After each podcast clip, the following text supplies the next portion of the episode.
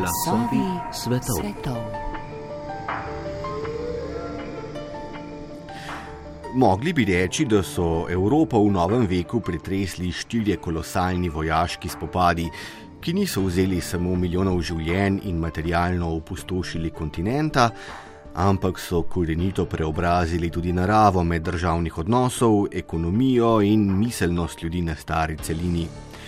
Nekaj takega, brez najmanjšega dvoma, lahko rečemo za prvo in drugo svetovno vojno, kaj ne? Da so Napoleonovi pohodi od Španije do Rusije daljnosežno spremenili zgodovino Evrope, bi se najbrž tudi strinjali vsi.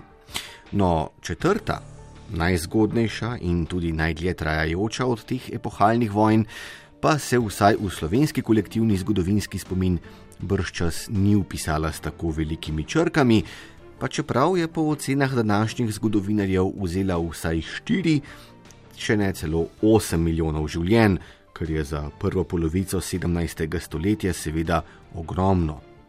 Da pri nas na to vojno mislimo le redko in malo, je menda še bolj presenetljivo, če se spomnimo, da so se v njej spopadle Španija in Švedska, Avstrija in Francija, Poljska in Danska. Na bojiščih, ki so bila večji del v današnji Nemčiji, pa so se vse skozi borili, krvaveli in umirali tudi številni kranci, štajerci, koroščci in primorci.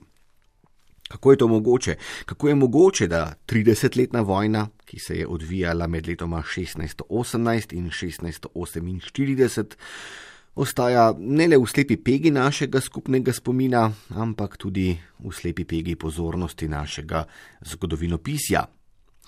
To je vprašanje, spoštovane poslušalke in cenjeni poslušalci, ki nas bo zaposlovalo v tokratnih glasovih svetov.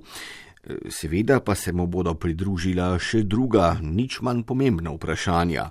Tako nas bo naprimer zanimalo, zakaj je pravzaprav šlo v tem spopadu. Zakaj je toliko časa trajal, kakšne so bile njegove posledice, kdo je zmagal in jasno, kako je 30-letna vojna vplivala na slovenske dežele. Odgovore nam bo pomagal iskati zgodovinar, raziskovalec na Zgodovinskem inštitutu Milka Kosa, dr. Vanja Kočevar, ki se posveča na tanko politični zgodovini slovenskega etničnega prostora v zgodnjem novem veku. Naš današnji gost je kot urednik tudi bdel nad obsežnim zbornikom razprav 30-letna vojna in Slovenci, evropski konflikt in slovenski prostor v prvi polovici 17. stoletja, ki je pred nedavnimi šel pri založbi ZRC in ga najbrž lahko označimo za doslej najobsežnejši, najbolj celovit poizkus naše historiografije, kako osvetliti ta prelomni čas evropske in slovenske zgodovine. Do kakšnih zaključkov so se naši zgodovinari na vse zadnje dokopali, bomo v pogovoru z dr. Kočevarjem preverjali tja do 15. ure. Gospod Vanja Kočevar, lepo pozdravljeni in dober dan. Lepo pozdravljeni, hvala lepa za vabilo. No, zdaj, 30-letno vojno, kako rečeno, ne lahko označimo za prvega izmed teh štirih velikih pancelinskih vojaških konfliktov, ki so v novem veku pretresli Evropo, njeno politiko, ekonomijo, mentaliteto in tako naprej. Ne? Ampak zakaj? Tej očitni pomembnosti na vkljub po vaši sodbi, 30-letna eh, vojna vendarle ostaja v kolektivnem zgodovinskem spominu slovenk in slovencev razmeroma malo pomemben dogodek. Torej, po mojem mnenju je 30-letna vojna v kolektivni zgodovinski spomin ali pa v kolektivno zavest slovencev dejansko vstopila šele dobrih 300 let po samem začetku 30-letne vojne in sicer leta 1919 z Tavčarjevim romanom Visoška kronika. In sicer mislim, da večini slovencev nekako ob omembi 30-letne vojne, ta 30-letna vojna v spomin prikliče Polikarpa Kalana ali njegovega kamerata Lukeža, s katerim v tem romanu ki je sicer postavljen v Poljansko dolino v čas po 30-letni vojni, v začetku romana, obujata spomine na svoje čase v nemški vojni, kot pravita. In iz vlastnih izkušenj, ko sem se pogovarjal z ljudmi, eh, sem opazil tudi, da je prav en citat, recimo temu značilen, ki je. Po moji oceni se globoko vtisnil slovenski spomin in sicer je Ivan Tavčar tu s svojima junakoma, Sicer se v tem prizoru, ki ga bom zdaj opisal, pojavi ta že omenjeni Lukeš, ki mu neka romska ženska prerokuje z dlani. In sicer se tale citat glasi takole: citiram, Globoko si brodil po krvi, da je kar čudno, da se nisi utopil v njej. Tudi križenski otrok je vmes. Lukeš se je odrezal. Kajčen čaš. V naši dolini ve vsak, da sva bila s polikarpom v nemški vojski, da tam nisva rož trgala ve vsako tročaj in ti tega ne bi vedela. Konec navedka. Torej, po mojih izkušnjah, ko sem se nekoč pogovarjal z nekim prijateljem, eh, ki sicer ni zgodovinar, ko sem omenil 30-letno vojno, se spomnil točno tega citata. Tako da 30-letna vojna, mislim, da v slovenski kolektivni spomin, kolektivno zavest najbolj vstopi s tem čudovitim Tavčarjevim romanom. Eh, seveda pa so naši predniki, sodobniki 30-letne vojne dobro vedeli, da se v deželah severno od njih dogaja nekaj velikega, nekaj strašnega.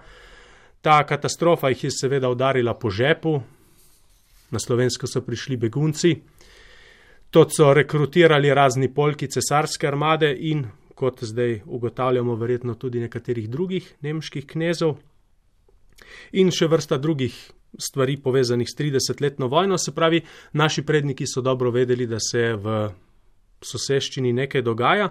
Seveda pa 30-letna vojna ni prizadela slovenskega etničnega prostora neposredno, kot recimo nemškega, češkega ali zgornjo in spodnjo Avstrijo, zato razumljivo v našem kolektivnem spominu eh, zaseda manjše mesto. Recimo Nemci, za njih 30-letna vojna predstavlja prakatastrofo Urkatastrofe der Deutschen, Nemci pogosto imenujejo 30-letno vojno, eh, zato je to v bistvu razumljivo, da v našem kolektivnem spominu zaseda malo manjše mesto. Razumem, zdaj temu primerno se mi zdi, da se tudi pač seveda v kontekstu srednješolskega zgodovinskega pouka ne, eh, razmeroma malo zadržimo pri 30-letni vojni, ne, ampak kolikor nas o njej učijo, pa nam ta konflikt predstavijo, se mi zdi, predvsem skozi prizmo tistega dolgo tlečega spora med protestanti in katoličani, predvsem seveda v, v nemških deželah. Ne?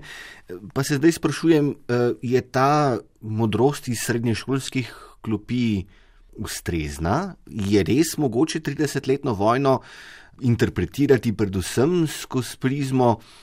Spora med dvema vejama krščanstva, ali bi bilo, dr. Kočivar, to razlago treba kako dopolniti, razširiti, poglobiti? No, to je večno vprašanje vseh raziskovalcev, ki se ukvarjajo s 30-letno vojno. Je bila 30-letna vojna verska vojna ali ne? In koliko je raziskovalcev, toliko je verjetno tudi različnih odgovorov na to vprašanje. Ne omenim, Igor Gardina je v svoji nedavno objavljeni monografiji v blodnjakih večne vojne za trajni mir iz leta 2020. Med drugim zapisal, citiram, da je bila uh, vira emblem 30-letne vojne, čemu seveda lahko pritrdim. 30-letna vojna je bila tudi verska vojna, imela pa je nekako dva obraza in sicer se to križata na eni strani verski konflikt in na drugi strani geopolitični interesi različnih držav, ki so se v to vojno zapletli. Se pravi, tu je pa treba imeti v mislih še eno stvar, namreč med zgodovinari kroži krilatica, po mojem mnenju popolnoma upravičena, da je bila politika v konfesionalnem obdobju tako tesno povezana s konfesionalno pripadnostjo, z veroizpovedjo, kot je današnja politika z ekonomijo. Torej, vojna je bila seveda nadaljevanje politike, ampak ta politika je bila popolnoma prežeta z uh, veroizpovedjo.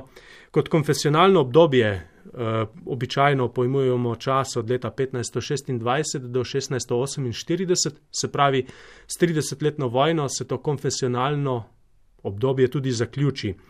Zdaj, 30-letna vojna se je začela kot precej konfesionalen konflikt, se pravi upor čeških stanov, pretežno protestantskih stanov proti katoliškemu vladarju, to je nek antikatoliški sentiment med uh, češkimi stanovi bil močno prisoten. Sam razkol konfesionalni je bil močan tudi že predtem, bili so spopadi v svetem rimskem cesarstvu in na koncu je recimo na državnem zboru v Regensburgu leta 1618 postalo očitno, da skupne institucije cesarstva pravzaprav ne delujejo več, čemu sledi oblikovanje dveh zavezništev na konfesionalni podlagi. Najprej so se že leta 1608 povezali v protestantsko unijo protestanti pod vodstvom volilno-pfalške. Leto zatem, 1609, je sledilo še oblikovanje katoliške lige, ne pod vodstvom cesarja, temveč pod vodstvom katoliške bavarske. E, se pravi, veroizpoved tu igra zelo pomembno vlogo.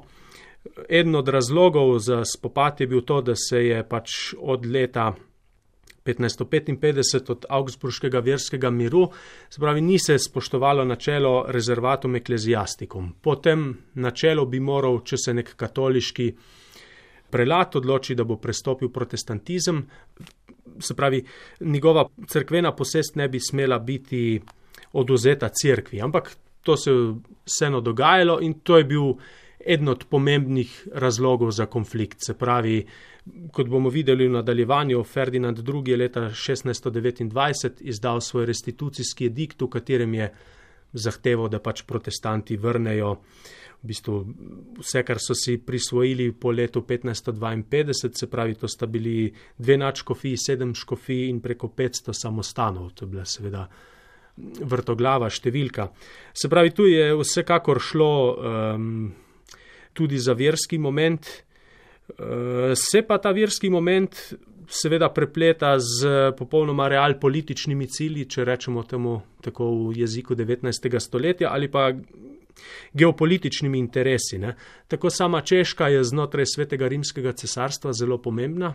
Češki kralj je po zlati buli Karla IV. iz leta 1356 prvi med svetnimi volilnimi knezi, se pravi kolegi volilnih knezov eh, je sestavljenih sedmih eh, volilnikov ali elektorjev, treh cerkvenih, se pravi načkofov v Mainzu, Kölnu in Trierju in pa štirih svetnih, se pravi poleg češkega kralja so tu še renski palatinat, saški vojvoda in pa brandenburški mejni grof. Ko bi protestantom uspelo, eh, se pravi češko kraljevo krono, dati na glavo protestantov, kar se je sicer zgodilo, vendar jo je ta eh, izgubil po bitki na Beli gori. Ko bi ta krona ostala v rokah protestantov, bi protestanti dobili večino v kolegiju volilnih knezov in cesarstvo bi lahko dobilo protestantskega cesarja. Se pravi, z tega stališča so tu igrala tudi vlogo povsem geopolitični interesi. E, pri geopolitičnih interesih bi pa izpostavil zlasti še Francijo, e, znameniti nemški zgodovinar Goloman, sin znamenitega pisatelja Tomasa Mana, je zapisal, da je Francija kljub temu, da je bila katoliška sila na vzven vselej često vodila protestantsko zunanjo politiko. Eh, Francija je se v tem času čutila do neke mere upravičeno, se čutila obkoljeno s uh, habsburškimi posestvi, ki jih je okrog njenih meja napletel ta spretni strateg Maksimilijan I. že ob koncu 15. stoletja. Maksimilijan I. je namreč sporoko svojega sina Filipa I. Lepega z Ivano Kastilsko ali Blazno leta 1498 napletel ta kompleks habsburških teritorijev in Francija se tako do leta, v bistvu do diplomatske revolucije leta 1756 na predvečer sedemletne vojne, vse čas bori, da bi se prebila iz tega obroča habsburških teritorijev, ki jo eh, obdajajo. In tu recimo kardinal Richelieu, prvi minister Ludvika XIII. nima nobenih problemov, da recimo med leti 1627-28 zatre upor hugenotov in oblega mesto La Rochelle. Eh, po drugi strani pa podpira, če lahko rečem temu v jeziku hladne vojne, proxy wars proti Habsburžanom, s tem, da podpira recimo s finančnimi donacijami protestantski Dansko in Švedsko in tako naprej. Se pravi, zadnja faza 30-letne vojne, ko se Francija kot katoliška sila udeleži vojne na protestantski strani, dokončno uh, zaključi to konfesionalno obdobje in uh, geopolitični interesi prevladajo nad konfesionalnimi. Ja, kako malo se pravzaprav eh, spremeni z določenega vidika v človeški zgodovini, kaj ne, doktor Kočevar. Zdaj, eh, doslej smo govorili predvsem o teh eh, najširših, vse celinskih dimenzijah 30-letne vojne. Ampak zdaj pa mislim, da bo kar prav. Doktor Vanja Kočevar, če nekoliko podrobneje pogledava, kako je bilo s slovenskimi deželami v kontekstu tega spopada. Ne? Zdaj, kako smo že ugotovili, se vojna neposredno notranje avstrijskih dežel, kjer so živeli seveda slovenci, ne, uh, ni dotaknila. Ne na Štajerskem, ne na Koroškem, ne na Kranskem, ne na Goriškem, neposrednih spopadov 30-letne vojne ni bilo. Ne? Ampak, bi potem takem lahko rekli, da je treba gledati na naše kraje, pravzaprav kot na neko eh, zaledje, na nek bazen, iz katerega lahko Habsburški cesar na Dunaju, eh, na katerega se lahko nasloni vsakokrat, ko potrebuje za svoj vojni napor denar, ljudi, material, hrano in tako naprej. Ja, s to oceno bi se strinjal, namreč slovenski etnični prostor, notranje avstrijske dežele, se v tem času nekako znajdejo med dvema frontama, če lahko uporabim ta izraz, ki sicer recimo bolj primeren za kasnejša obdobja, ampak recimo dve fronti. E, najpomembnejša za notranje avstrijske dežele je seveda meja z Osmanskim imperijem. Osmanski imperij se po koncu tako imenovane dolge vojne, ki se zaključi leta 1606, zaplete v vojno s Perzijo, zato pritisk na mejo s Habsburškimi teritoriji, ta čas, vsaj prva obdobja 30-letne vojne, nekako miruje. Nadaljuje se konstantna mala vojna, kot ji rečejo Turki, se pravi konstantni manjši napadi in tudi v dokumentaciji, v bistvu v spisovnem gradivu kranskih deželnih stanov se potem začno v 30 letih omenjati štrajferajen, kot pišejo in tako naprej, se pravi neki turški plenilni pohodi. E, sicer pa ja, notranje avstrijske dežele predstavljajo neko zaledje stališča 30-letne vojne, e, se pa sama vojna dvakrat nevarno približa. Mogoče v teh vojnah, ki so bolj zaznamovale slovenski etnični prostor in notranje avstrijske dežele, rečeva še kaj v nadaljevanju. Zdaj pa to, recimo 30-letna vojna se notranje avstrijskim mejam približa na začetku vojne in pa na samem koncu. E, tako je recimo v letih 1620 in 21 vzhodne štajerske meje ogrožajo ogrski uporniki pod vodstvom Gabriela Betlena, e, ki se zaplete v vojno s Ferdinandom, tudi med drugim oblega Duna in tako naprej, je v bistvu bil na, na bojišču tudi uspešen. Eh, se pravi, Kranci so v tem času poslali tri kontingente na pomoč Štajerski, eh, da bi zaščitili vzhodno Štajersko mejo v teh dveh letih 1620 in 21. Eh, sicer so tu potem v vojni zlasti od leta 1627 čutimo finančni pritisk na, uh, jaz bom govoril zlasti za Kransko, ker razmere na Kranskem najbolje poznam. V 30 letih pa potem vse pogosteje prihajajo na zimovanje v deželo tudi polki cesarske armade, ki potem tu povzročajo določene težave uh, in pa tudi novačijo moštvo. 30-letna vojna se potem približa notranji avstrijskim mejam ponovno leta 1645. To leto je pomembno, namreč v zgodnih 40 letih se na bojiščih 30-letne vojne v Nemčiji zgodi, kot recimo rečejo Nemci temu v bolj publicističnih revijah, švedišer comeback. Se pravi, Švedska se po tem porazu, ki ga je leta 1634 doživela pri Nördlingenu na jugozahodu Nemčije, nekaj časa Eh, ni tako uspešna, no v zgodnih 40 letih pa potem pod Lenartom Torstersonom doživi nek, ja, kot rečejo, comeback. In tega leta 1645 so Švedi pri Jankovu uh, v deželah Češke krone premagali cesarsko vojsko in prodirajo proti Donavi.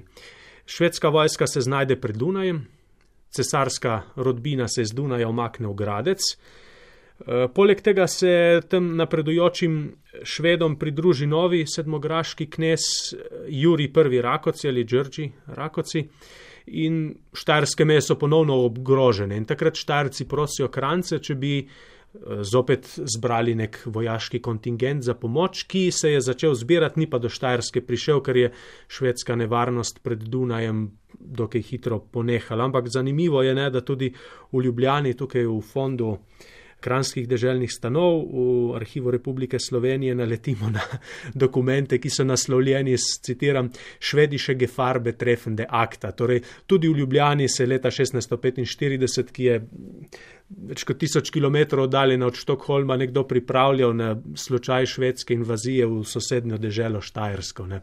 To je toliko kot eh, zanimivost.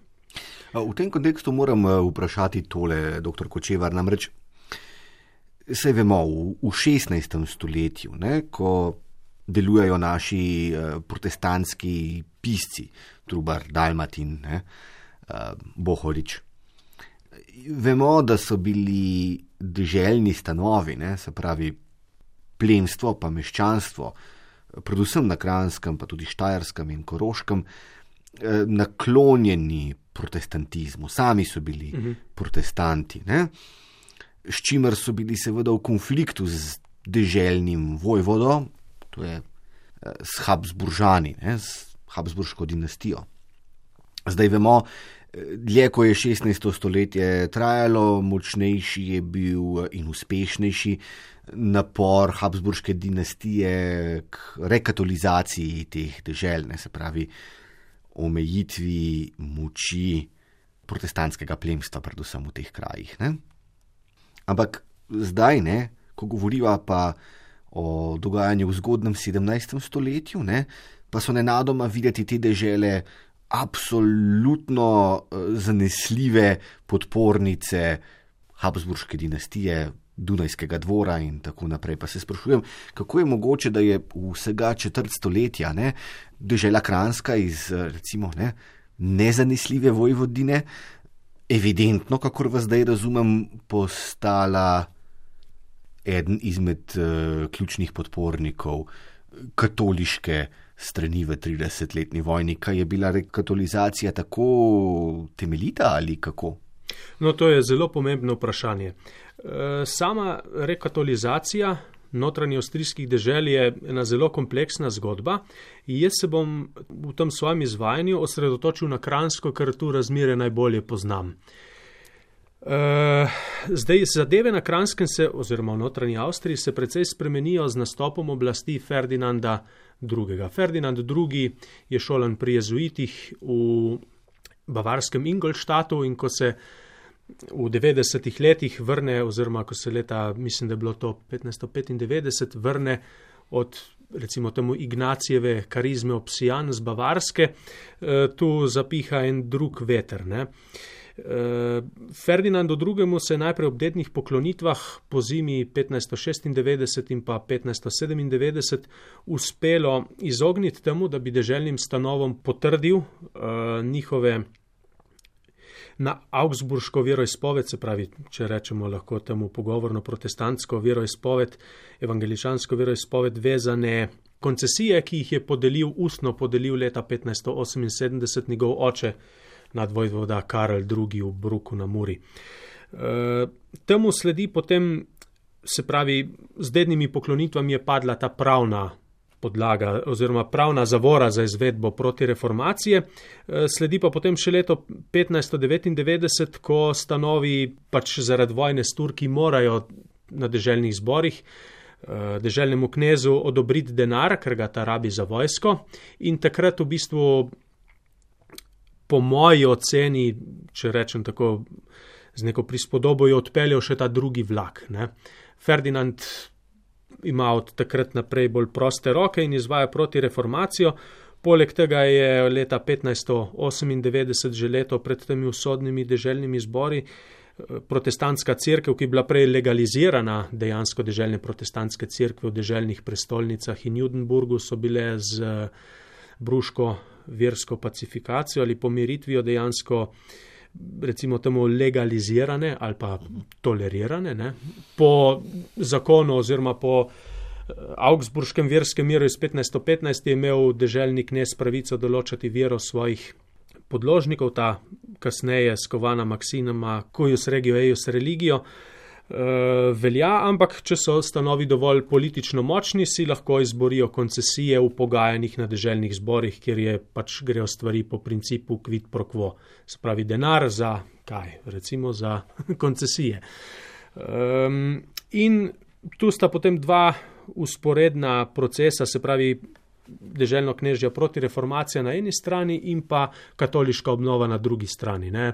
Zdaj, škofje v notranji Avstriji so potem veliko bolj dosledni, tu je dober primer deveti ljubljanski škof Tomaš Hren, ki tudi ob teh dednih poklonitvah 1597 nekako to tudi zanj predstavlja en debi na političnem parketu in takrat prvič poseže v zgodovino svoje dežele, v politični razvoj svoje dežele, ko v bistvu prelati na deželnem zboru izvedejo obstrukcijo, nočejo da se dedna poklonitev vladarju pogojuje z konfesionalnimi pravicami za Augsburško veroizpoved.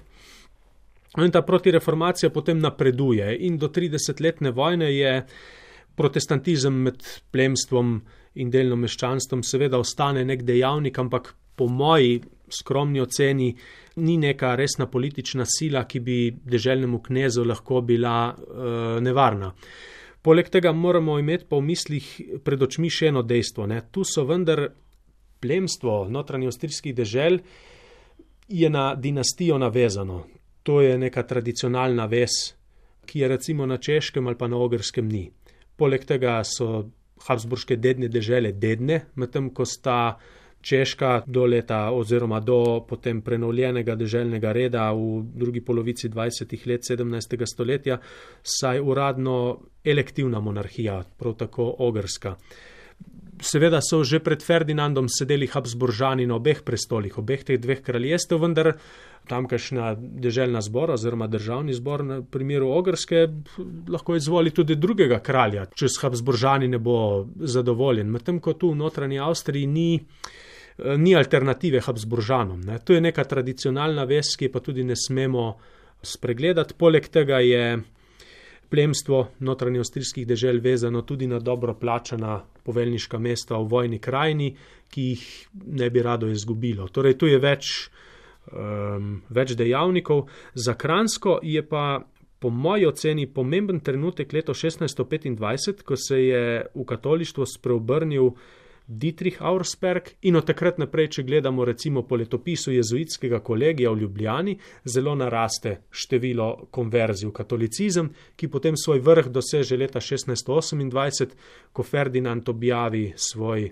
patent o spreobrnjenju ali izselitvi protestantskega plemstva notranje avstrijskih dežel, takrat beležimo največ konverzij. Zelo zanimivo. No, vseeno moram vprašati, malce cinično vprašanje, ne mara pa vseeno.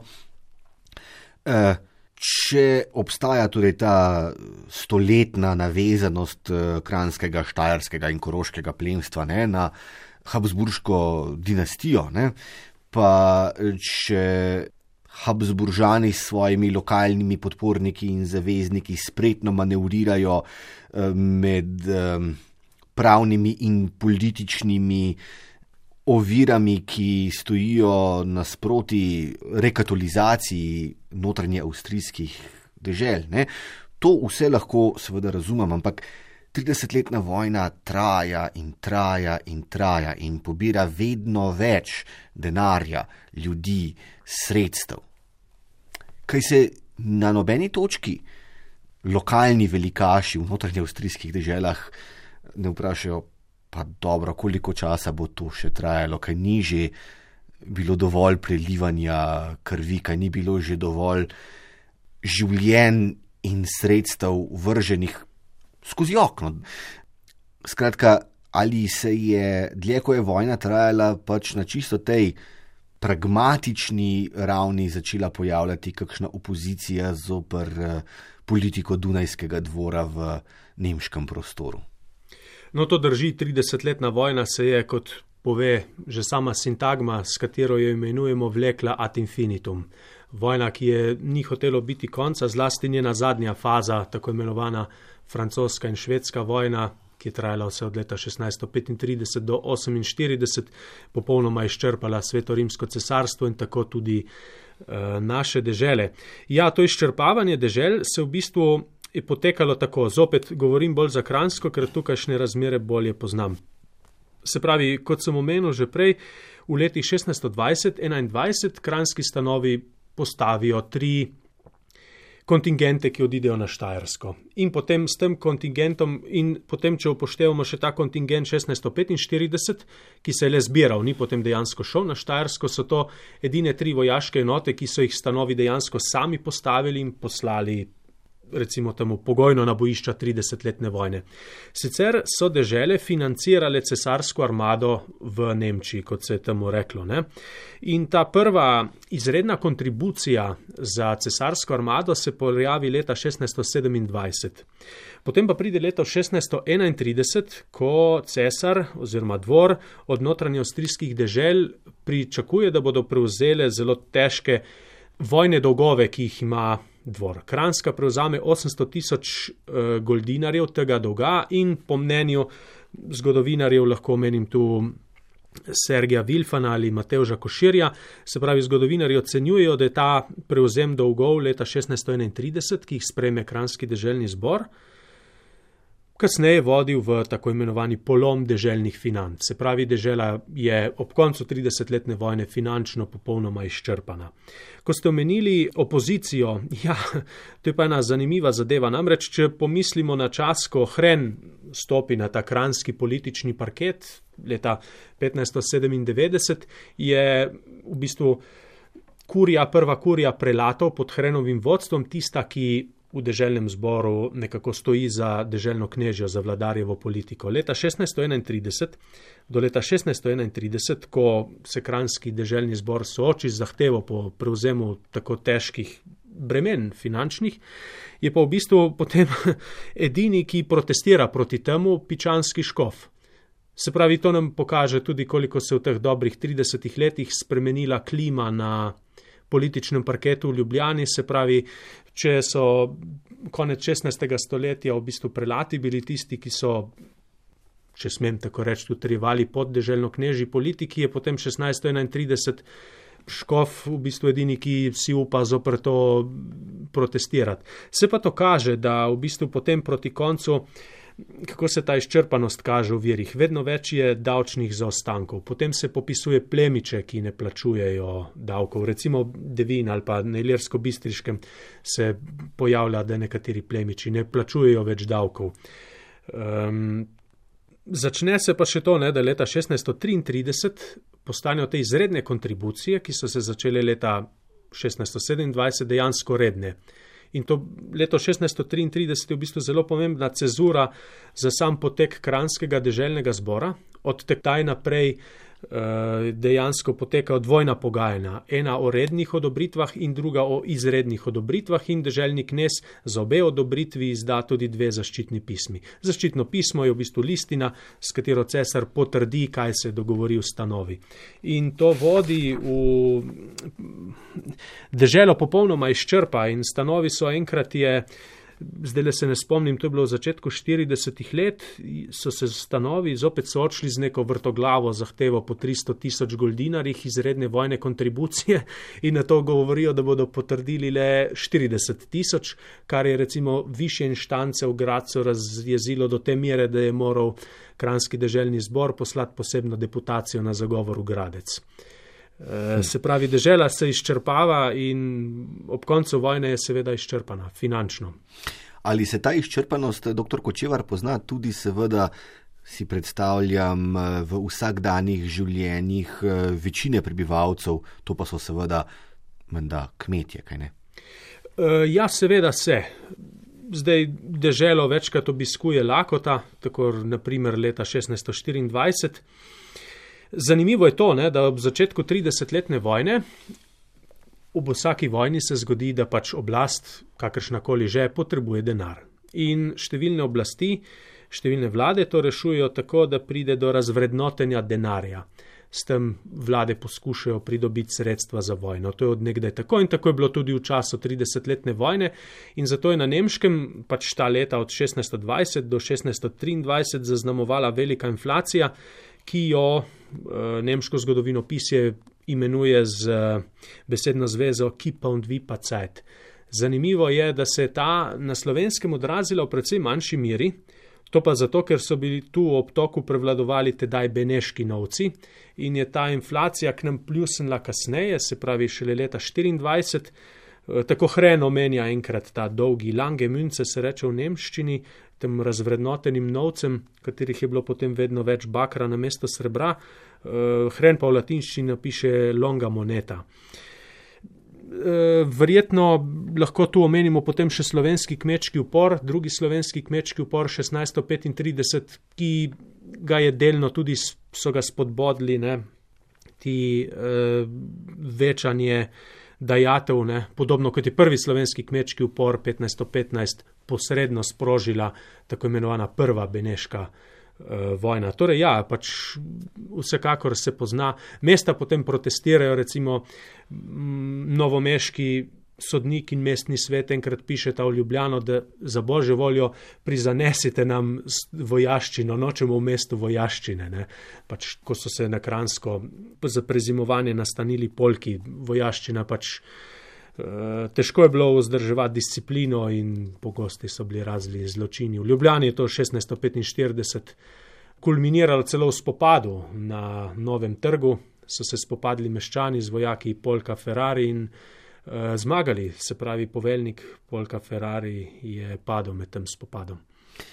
To je zanimivo, ne, to eh, trenje ne, med uh, civilnim in vojaškim prebivalstvom tudi v državah, kjer neposredni vojaški spopadi sploh niso potekali, ne, ker je bila očitno disciplina med vojaki zelo slaba in so skratka ropali, kradli, posiljevali in podobno ne, v mestih, krajih, ki so bili zavezniški. Ne, ampak vseeno pa je najbrž kar nekaj domačih fantov iz Kranske, Štajerske in Koroške stopilo v čete zveste cesarju. Kaj slovensko zgodovinopisje pravzaprav ve o teh ljudeh, kako so stopili v vojaštvo, kaj so pravzaprav potem doživeli na bojiščih 30-letne vojne. Ne mara je komu uspelo se povzdigniti visoko po vojaški hierarhiji ali kako. No, to je zopet eno zelo pomembno vprašanje, pa bom začel malo prej. E, recimo na slovenskem imamo mogoče to smolo, da ni obstajalo nekega polka, ki bi bil posebej vezan na, v tistem času, ni obstajal noben polk, ki bi bil striktno vezan na slovenski prostor, zato recimo Josip Gruden, očak e, naše znanosti, recimo v svoji sintezi ne, slovenske zgodovine, začetek 20. stoletja, mislim, da prav leta 1915 išel ta zvezek, to že nečeš, da je kakšna škoda, da so bili slovenci pomešani z vojaki drugih narodnosti ne, v teh cesarskih polkih, zato vemo tako malo o njih ne, in o njihovih dejanjih v 30-letni vojni. Zdaj jaz tu dolgujem zahvalo soavtorjem, svojim soavtorjem knjige 30-letna vojna in slovenci.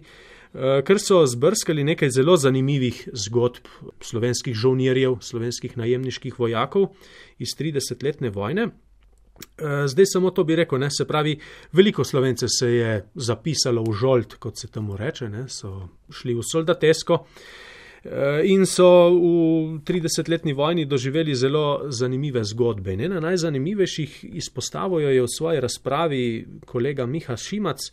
In sicer, um, ko so švedi leta 1634, 29. aprila oblegali mestece Überlingen ob Bodenskem jezeru, se je tam spletla ena zelo zanimiva zgodba, ki je povezana s slovenskim prostorom. In sicer je Um, ta zgodba se je zdela tamkajšnjim menščanom v Überlingnu zelo zanimiva in že kmalo potem je eden od odvetnikov iz tega mesta pisal cesarju in mu objasnil, kaj se je zgodilo in sicer takole piše, zdaj le citiram tule v prevodu Mihe Šimca, takole se glasi to poročilo, citiram. V naslednji noči, ko so naši zaradi plena v kamnitem jarku obiskali preostale švedske žrtve, se pripetila nepozabna zgodba. Cesarski vojak je namreč našel švedskega, ki je težko ranjen ležal v jarku. Z njim je pričel pogovor. Iz njega je razbral, da je njegov rojak, zato ga je poprašal po njegovem imenu in domovini. Odgovoril je, da je rojen v Črnučah pri mestu Ljubljana, da se imenuje Peter Gottman, da je predtem služil cesarju, na to pa je bil ujet in tako kot številni drugi proti svoji volji priključen temu napadu ter postavljen naprej, na čelo. Cesarski vojak je spraševal dalje, ali ima še več bratov in sestra in kako jim je ime. Švedski vojak je naštel vse, med drugim tudi nekega Janeza Gotmana. To sem jaz, reče cesarski vojak, in ti si moj brat. Na to ga vzame v roke in odpelje v mesto. Konec navedka. Torej, eh, tako sta se v Ubalingnu, Bodenskem jezeru, na različnih straneh v vojni našla pač dva brata iz Črnuč pri Ljubljani. To je ena taka zanimiva žolnirska zgodba, slovenska iz 30-letne vojne. Zdaj, kako je potekalo rekrutiranje? Eh, rekrutiranje je potekalo po različnih mestih na Kranskem, recimo Ljubljani, Novem mestu, Kranju in tako naprej. In med raziskovanjem v fondu Vicedomskega urada za Kransko sem našel tudi uh, en popis, se nanaša na pehotni polk Goncaka, ki je leta 1643 novačil tu v Ljubljani.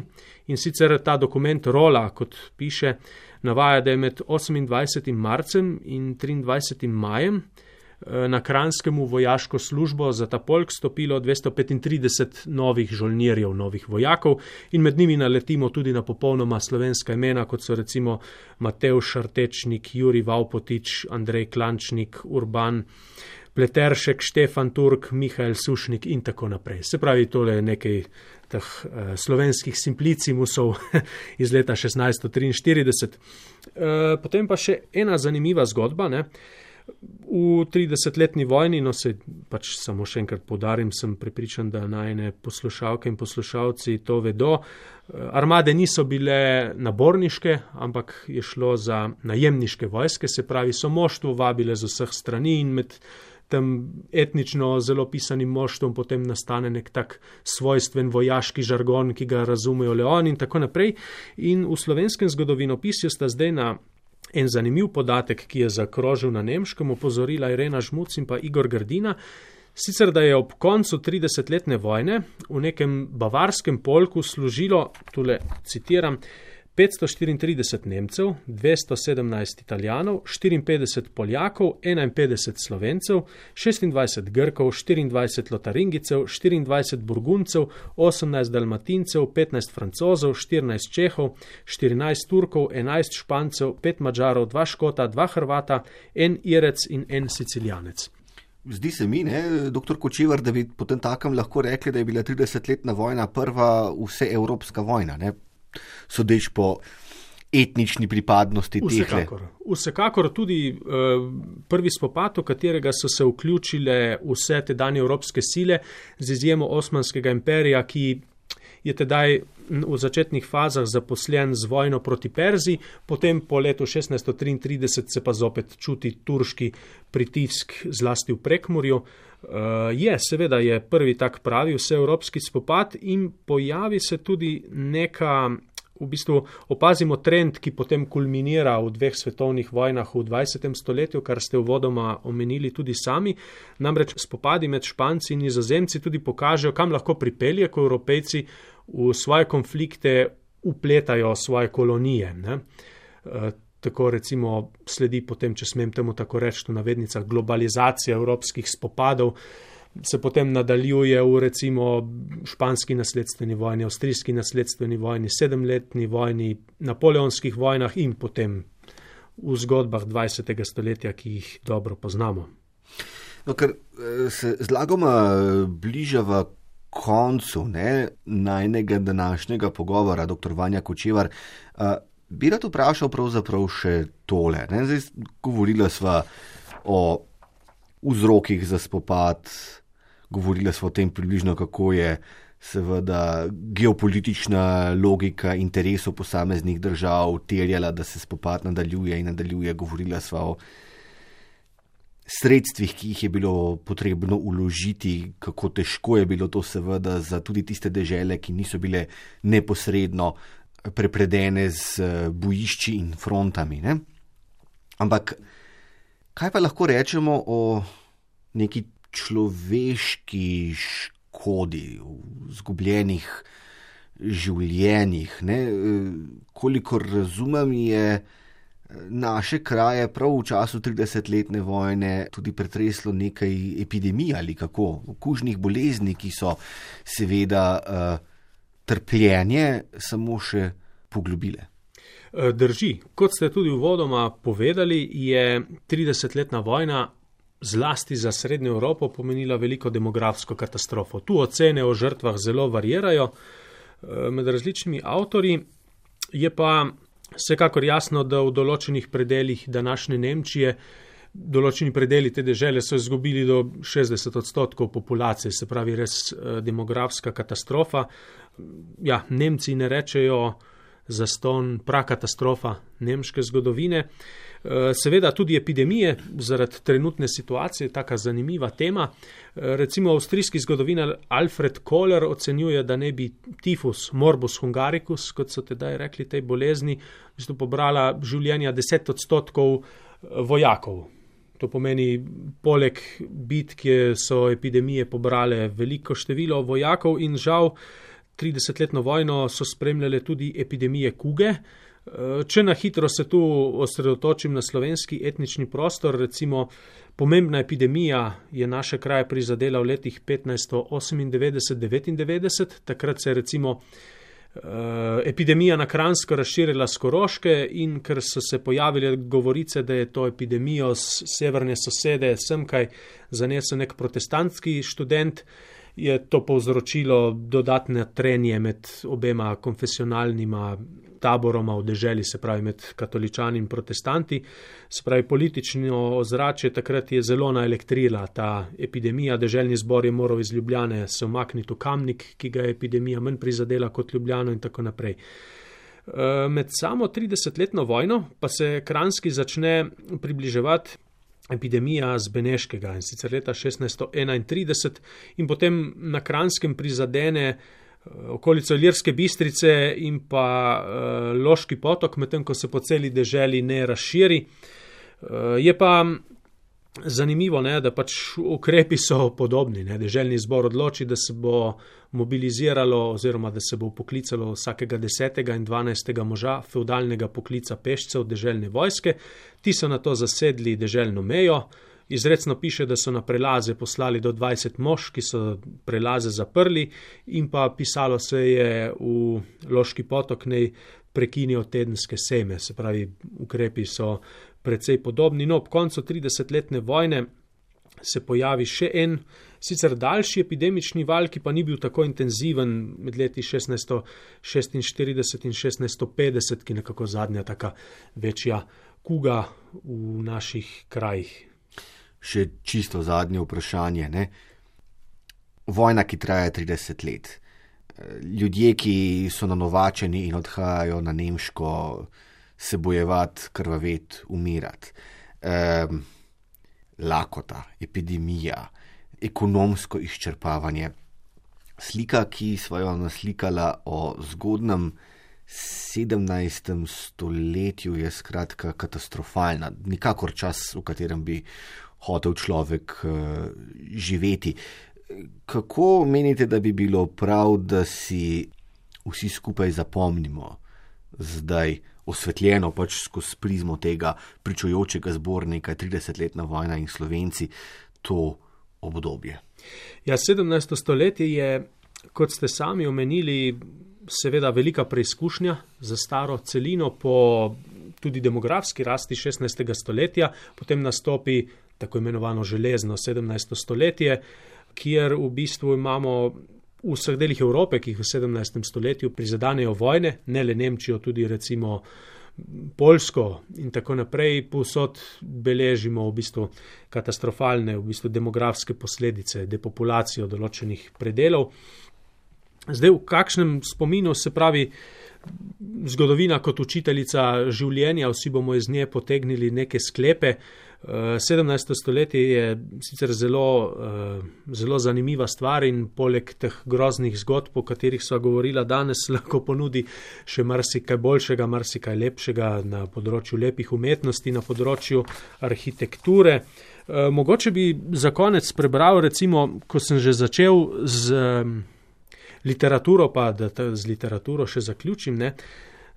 Nekaj malega odmeva je bilo, je 30-letna vojna pustila tudi v sočasni, sodobni umetniški produkciji na Kranskem in tako recimo je Škof Tomaš Hren leta 1622, ko je prišlo do poroke cesarja Ferdinanda II. z njegovo soprogo, drugo soprogo Eleonoro Mantovansko, napisal en epitalami, eno ženitno pesnitev, v kateri se posredno omenja tudi ta 30-letna vojna oziroma vojna na nemškem, kot jo on imenuje. In tule bom, eh, se pravi, čujem, prevod je prosti, ni uvezani besedi.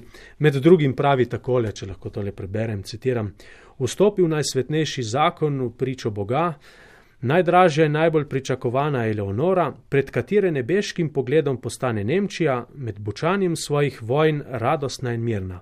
In Nemčija zdaj poje vesele speve svetega zakona, potem ko je bilo naposled z božjo pomočjo ukročeno grešno besnenje. Konec navedka. Tole uh, za pomoč pri prevajanju dolgujem zahvalo Kozmi Ahačiču. Uh, no, s tem bi lahko zaključil v bistvu, da na koncu je pa vendarle zmagal mir. Na katerega pa je bilo seveda treba čakati vse do leta 1648. Doktor Vanja Kočevar, najlepša hvala za tale pogovor in za vsa pojasnila. Hvala lepa vam za vabilo in pa vsem poslušalkam in poslušalcem za pozornost. Hvala lepa. Ja, za pozornost se tudi sam zahvaljujem, spoštovani in cenjene, pa srečno.